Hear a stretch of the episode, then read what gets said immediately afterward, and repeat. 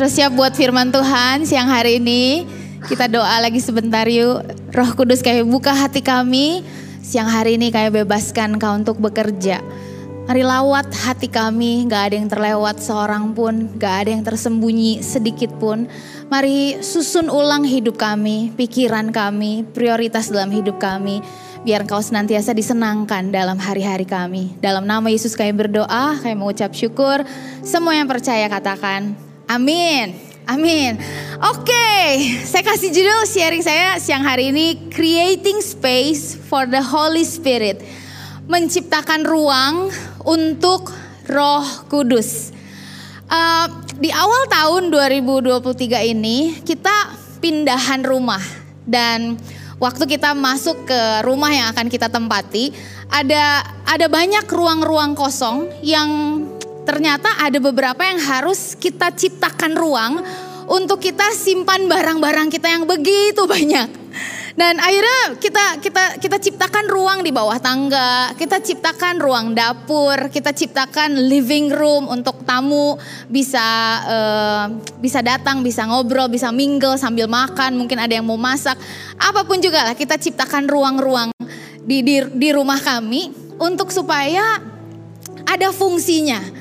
Nah, uh, waktu kuliah saya kuliah interior design, desain interior.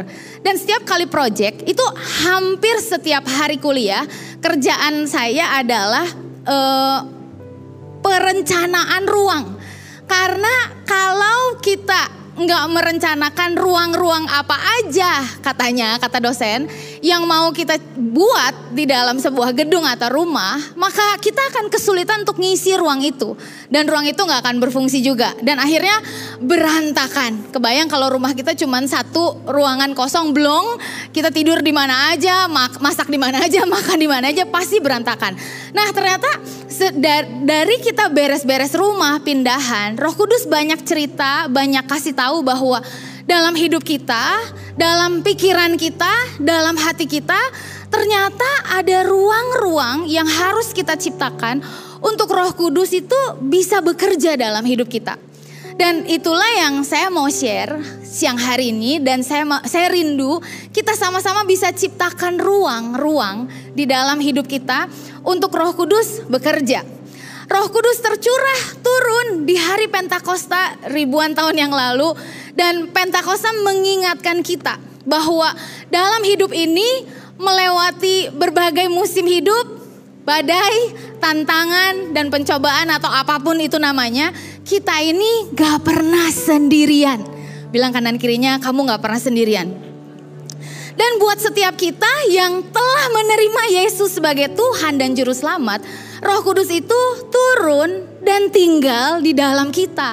Nah, sering kali kita ini melupakan, sering kali kita ini membatasi dan bahkan mendukakan Roh Kudus sehingga kita nggak bisa mengalami kehadiran dan kuasanya. Katakan yes. Dan saya mau mau mulai khotbah siang hari ini dengan lihat Yohanes 16 tentang siapa itu Roh Kudus dan apa sih peran Roh Kudus dalam hidup kita. Ini saya simpulkan dari Yohanes 16 dan tentang siapa Roh Kudus yang saya baca, yang saya alami bahwa Roh Kudus itu dia seorang penolong. Dia seorang penghibur. Dialah yang menginsafkan dunia, mengingatkan kita akan dosa kita. Dia roh kebenaran. Dia mengajar kita setiap hari. Dia mengingatkan kita, memimpin kita, menuntun kita, menyertai kita. Dan dia memuliakan Tuhan lewat hidup kita. Dia menyembuhkan kita. Dia memulihkan kita. Dari mana? Dari dalam. Jadi roh kudus yang tadi ayatnya Pastor Sinta bagiin tuh bagus banget. Dia diam di dalam kita. Dia menolong, menghibur, mengingatkan, memimpin, menuntun, menyertai, mengajar kita dari dalam. So, dari semuanya ini, saya mau bilang bahwa waktu Roh Kudus turun atau tinggal dalam hidup kita, itu bukan hanya untuk kita nikmati kehadirannya. Seringkali kita itu menyangka bahwa Roh Kudus itu hanya untuk dinikmati. Aduh, menikmati hadirat Tuhan, menikmati hadirat Roh Kudus banget. Enggak, enggak hanya itu. Tapi Roh Kudus turun atau tinggal untuk kita hidup dalam kuasanya. Amin. Katakan amin. Terus sekali lagi roh kudus turun atau tinggal bukan hanya untuk kita nikmati kehadirannya. Tapi roh kudus turun atau tinggal untuk kita hidup dalam kuasanya. Mari kita lihat slide berikutnya. Dan kita lihat ayatnya. Kisah Rasul 1 ayat 8. Tetapi kamu akan menerima kuasa. Katakan sama-sama kuasa. Kalau roh kudus turun ke atas kamu. Dan kamu akan menjadi saksiku di Yerusalem dan di seluruh Yudea dan Samaria dan sampai ke ujung bumi. So menjadi saksi itu simply kayak gini. Orang yang gak percaya Tuhan itu jadi percaya kalau lihat hidup kita. Orang yang yang tadinya nggak nggak nggak percaya, mereka bisa amazed bahwa Tuhan itu kerja benar dalam hidup kita. Jadi saksi kalau Tuhan itu ada. Jadi saksi kalau Tuhan itu sanggup. Jadi saksi kalau Tuhan itu hebat lewat hidup kita. Dan itulah perannya Roh Kudus. When the Holy Spirit comes, He is not just come to encounter us. He come to empower us. He come to equip us. He come to enable us untuk memampukan kita. Dan untuk mengalami kehadiran dan kuasanya, kita perlu ciptakan ruang untuk dia bekerja. Karena dia adalah roh yang lembut. He is a gentle spirit. Dia hanya akan bekerja kalau kita kasih ruang. Dia bukan roh yang maksa, dia bukan gebrak, dia bukan dobrak pintu hati kita. Dia enggak seret kaki kita untuk melakukan kehendaknya enggak. But he is a gentle spirit. Dia hanya akan kerja, dia hanya akan turun, dia hanya akan tercurah, dia hanya akan bermanifestasi, memanifestasikan kuasanya kalau kita ciptakan ruang-ruang untuk dia bekerja. Katakan amin. Ada tiga ruang yang perlu kita ciptakan untuk Roh Kudus yang untuk Roh Kudus bekerja. Yang pertama, ruang pertobatan. Katakan sama-sama ruang pertobatan. Ruang pertobatan. Kita lihat ayatnya yuk. Roma 3 ayat 23 berkata seperti ini. Karena semua orang telah berbuat dosa dan telah kehilangan kemuliaan Allah. Jadi gak ada seorang pun yang gak pernah berdosa atau kebal akan namanya dosa. Kita semua lahir dengan benih dosa di dalam kita. Makanya Yesus perlu datang. Makanya Yesus perlu mati di kayu salib. Uh, makanya Yesus perlu bangkit, makanya Yesus perlu naik ke surga supaya ada Roh Kudus yang turun, tercurah dan tolong kita setiap hari untuk melawan dosa. Setiap hari. Nah, yang luar biasa gini, Tuhan itu nggak kaget dengan dosa kita. One day saya bikin kesalahan, saya bikin dosa dan saya lihat diri saya kayak, ih kaget ya saya bisa bikin dosa kayak gini loh. Kaget ya saya saya kaget saya bisa bikin kesalahan kayak gini. Dan bahkan saya lihat orang-orang wah kaget. Gila dia bisa bikin dosa kayak gitu wah kayaknya nggak kalau bahasa Sunda ya nggak kabengetan. Si orang ini tuh bisa bikin dosa kayak gini kaget. Tapi tau gak Tuhan kita ini nggak pernah kaget sama dosa kita dan luar biasanya lagi, Tuhan itu justru bisa pakai dosa dan kejatuhan dan kegagalan kita untuk menyatakan kuasanya. Kalau ada pertobatan. Katakan amin. Kalau kita baca Alkitab dari halaman di setiap halaman itu diceritakan kejatuhan demi kejatuhan dan kegagalan demi kegagalan banyak orang yang akhirnya jadi ruang untuk Tuhan bekerja, untuk Roh Kudus turun dan mengambil alih karena ada ruang pertobatan di sana. Contoh, contoh, contoh. Penginjil pertama di perjanjian baru itu adalah seorang perempuan berdosa yang ketemu dengan Yesus, bertobat, akhirnya dia nginjilin sekampungnya dia.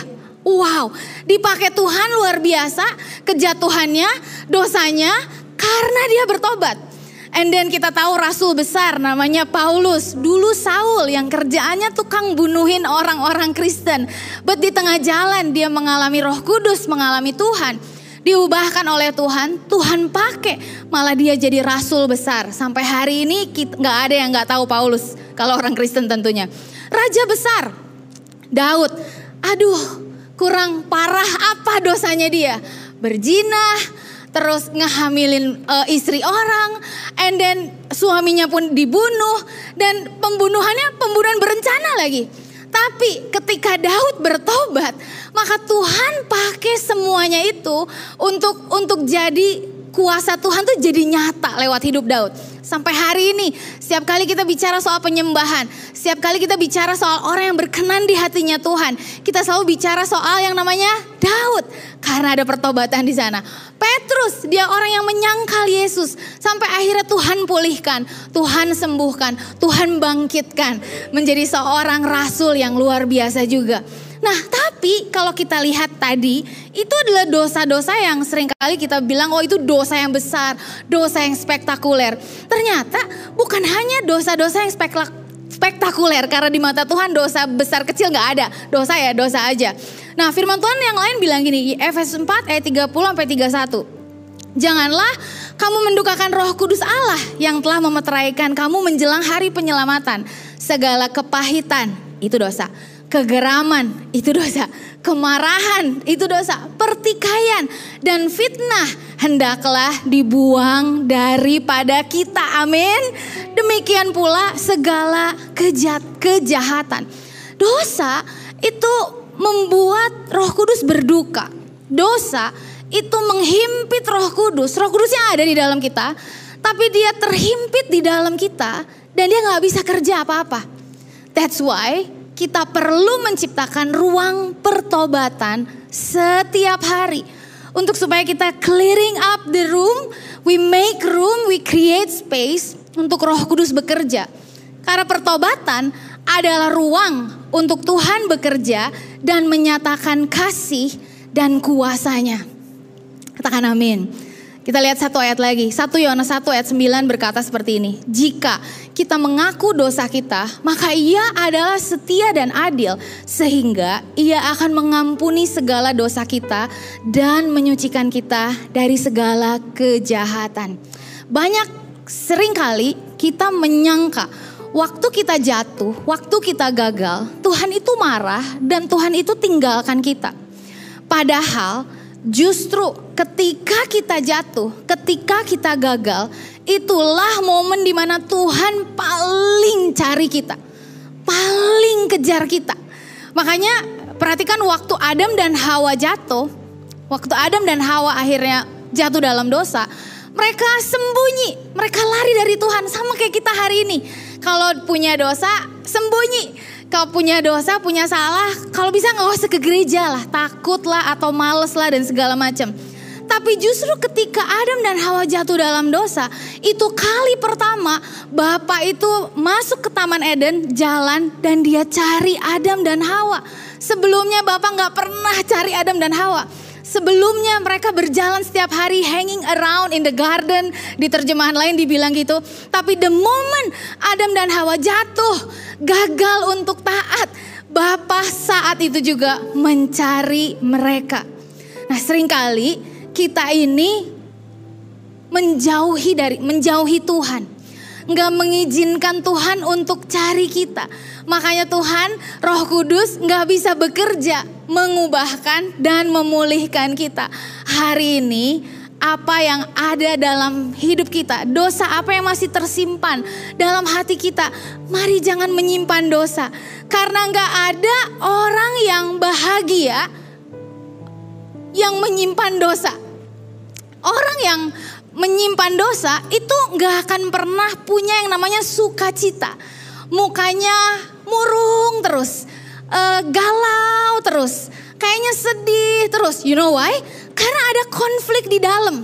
Ada roh kudus terhimpit yang dia nggak suka dia tinggal di dalam, ingat dia tinggal dia diam dalam dan dia nggak suka dengan apa yang kita lakukan atau dengan apa yang enggak kita lakukan. Dia nggak suka, makanya dia berduka. Nah, kalau di dalam kita berduka, makanya selalu ada konflik, selalu ada yang namanya complicated lah. Di sini kayak aduh kayak nggak jelas, nggak suka cita.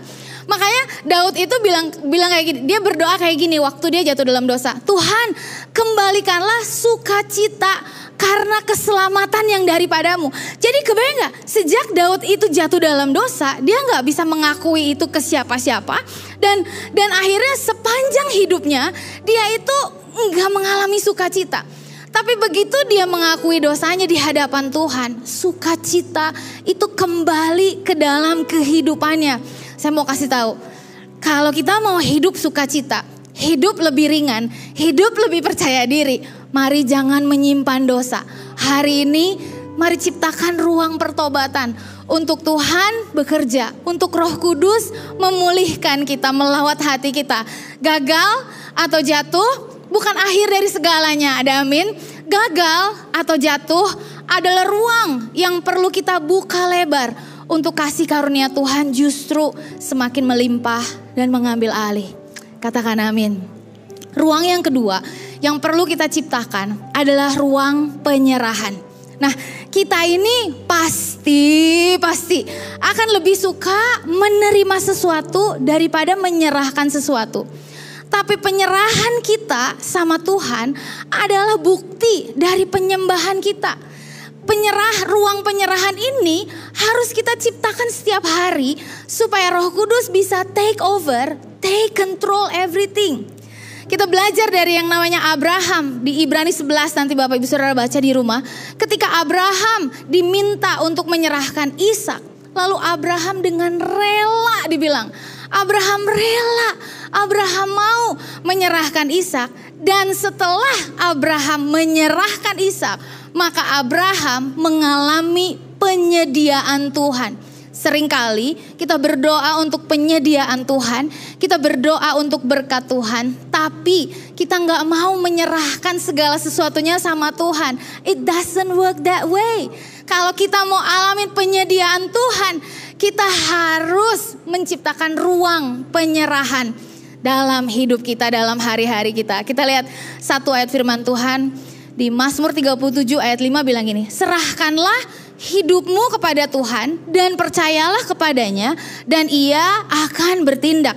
Di ayat yang lain 1 Petrus 5 ayat 7 serahkanlah kekhawatiranmu masa depanmu. Di ayat lain Amsal 16 ayat 3 dikatakan serahkanlah seluruh perbuatanmu dan percayalah kepadanya. So tanpa penyerahan hidup kita akan selalu berbeban berat.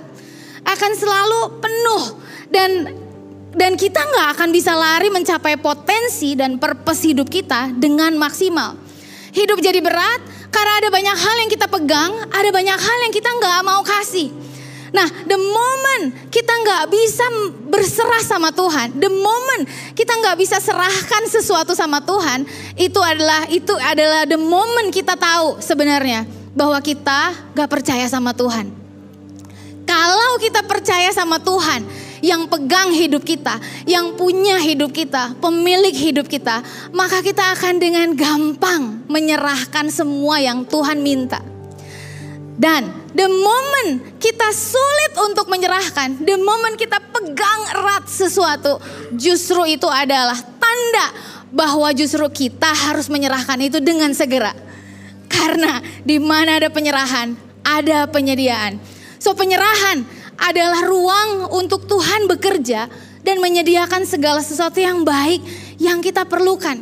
Kalau tadi pertobatan itu menghasilkan sukacita, tahu nggak? Penyerahan itu menghasilkan damai sejahtera.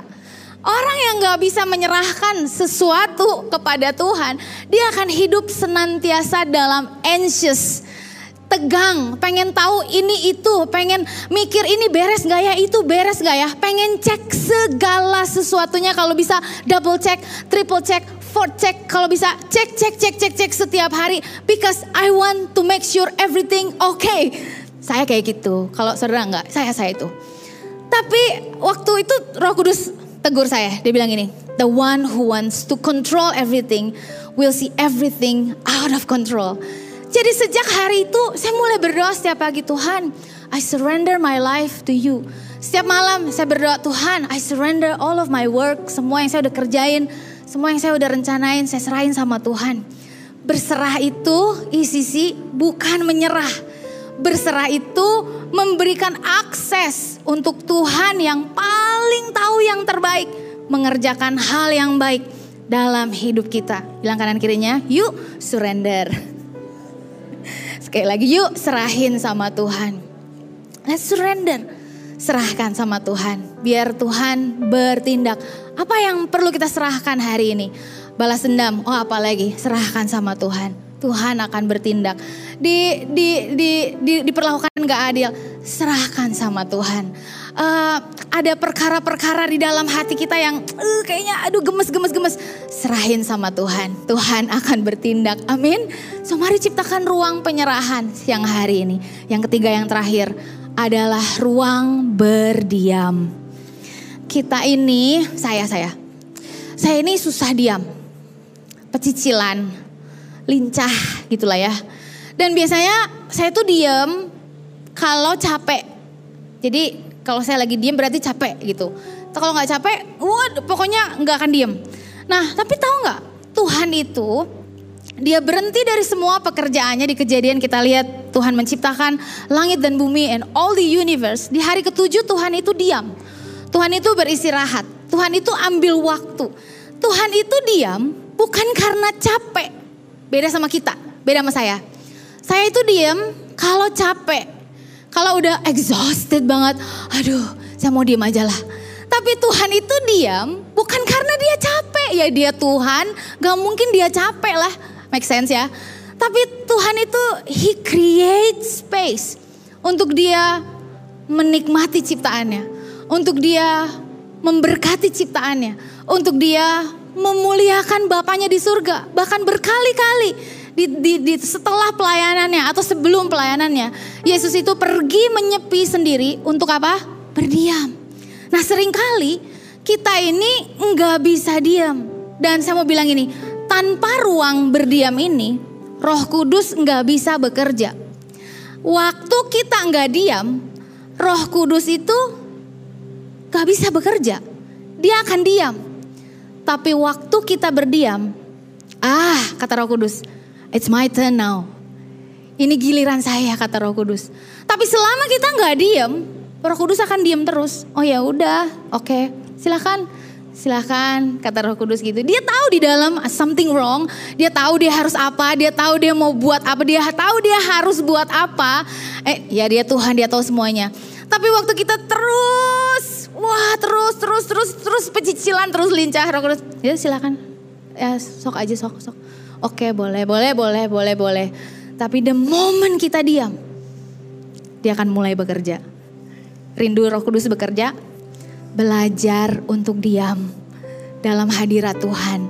Firman Tuhan bilang gini, Mazmur 46 ayat 10. Diamlah dan ketahuilah bahwa akulah Tuhan. Ternyata kalau kita nggak diam, kita susah tahu kalau Tuhan itu ada. Ternyata gimana caranya kita tahu Tuhan ada? Diam. Ternyata, ternyata dengan diam. Nah, saya lumayan sering bolak-balik uh, Jakarta naik mobil dan setiap kali tentu saya bukan nyetir, saya di belakang dan saya suka liatin jalan. Tapi ketika speednya kenceng, saya tuh nggak bisa lihat kanan kiri. Saya nggak tahu apa yang terjadi di kanan kiri, and then di rest area dalamnya ada apa aja saya nggak tahu. Tapi one moment waktu kita jalan ke Jakarta naik mobil, ada lumayan padat, trafficnya padat, itu mobil mulai pelan, and then saya mulai ah saya mulai bisa lihat, saya mulai bisa aware kanan kiri saya lagi terjadi apa nih. Oh, saya saya bahkan bisa lihat di mobil sebelah itu ada anak yang lagi nangis di dalamnya. Dan waktu mobil ini tiba-tiba diam karena macet total, saya mulai bisa lihat lebih banyak hal lagi. Nah sering kali ruang ini sangat penting banget dalam hidup kita. Karena sering kali kita nggak bisa bertobat, sering kali kita nggak bisa menyerahkan segala sesuatu karena kita nggak nggak buka ruang berdiam ini. Karena the moment kita ciptakan ruang berdiam, suddenly Roh Kudus akan nyatakan apa yang salah dalam hidup kita. Sebelum Roh Kudus itu nggak nggak Roh Kudus itu ya Tuhan itu baik, dia tuh nggak mau malu-maluin kita loh. Dia itu nggak mau expose dosa kita percayalah. He is a good good God. Jadi tapi kalau kita nggak ciptakan ruang berdiam dengan terpaksa Roh Kudus itu akan expose banyak hal dalam hidup kita lewat orang lain. Tapi the moment kita ciptakan ruang berdiam, waduh Roh Kudus itu akan ngomong banyak hal. Roh Kudus itu akan mulai bilang, mulai set prioritas kita. Ini, ini jangan, ini ambil, ini ditolak, ini jalanin ya. Sekarang jalanin ini. Oke, sekarang gini dulu. Sekarang gini dulu. Yang itu nanti aja. Yang ini dikejar. Ini beresin ya. Yang ini gak boleh gini. Ini harus gini. Wah, dia itu akan menyatakan banyak hal. Waktu kita ciptakan ruang berdiam. No rush, not in a hurry, no agenda. Berdiam adalah ruang untuk Tuhan berbicara, menyatakan rahasia hatinya. There are so many secrets yang Tuhan mau nyatakan buat hidup kita. Buat masa depan kita. There are so many secrets. There are so many secrets yang Tuhan mau nyatakan. Tapi kita perlu ciptakan ruang berdiam. Untuk Tuhan bicara. Menyatakan sesuatu. Ruang untuk Tuhan bekerja. On behalf of us. Ada amin. Ada amin. So sih, mari ciptakan ruang berdiam ini. Pemasmur bilang gini, Waktu dia berdiam dia bilang ini, tetapi aku kepadamu aku percaya ya Tuhan, engkaulah Allahku. Bahkan di ayat lain, dalam diam dan tenang terletak kekuatanmu. Pertobatan menghasilkan sukacita. Penyerahan menghasilkan damai sejahtera. Berdiam menghasilkan kekuatan. Gila, ini hidup kita. Kalau kita punya sukacita, kalau kita punya damai sejahtera, kalau kita punya kekuatan, beh, powerful banget. Powerful banget. Tapi kalau kita mau punya ketiga hal itu, kita perlu ciptakan tiga ruang ini. Kita perlu roh kudus supaya bekerja di tiga ruang ini. Ada amin? Ada amin? Mari ciptakan ruang pertobatan.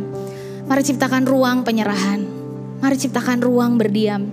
Ruang pertobatan akan menarik pengampunan, kasih karunia Tuhan, sukacita Tuhan. Ruang penyerahan akan menarik penyediaan Tuhan, damai sejahtera Tuhan. Ruang berdiam akan menarik kekuatan Tuhan, pengurapan Tuhan. Kita perlu diurapi bukan hanya untuk pekerjaan atau pelayanan di gereja, no. We need the anointing of the Holy Spirit untuk semua peran dan fungsi kita dalam hidup kita. Yang setuju katakan amin. Mari kita bangkit berdiri. Bangkit berdiri, buka hati kita, Izinkan Tuhan bekerja, izinkan Roh Kudus bekerja. Mari berbahasa roh sikiriandara bahaya rabaka. Di mana pun kau berada dari depan sampai ke belakang, kanan, ke kiri. Open your heart, open your heart. Mari ciptakan ruang-ruang ini untuk roh kudus bekerja. Mari ciptakan ruang pertobatan. Mari ciptakan ruang penyerahan. Mari ciptakan ruang berdiam siang hari ini. Syukur ya bahaya rabata kaya rabah. Syukur Sigiri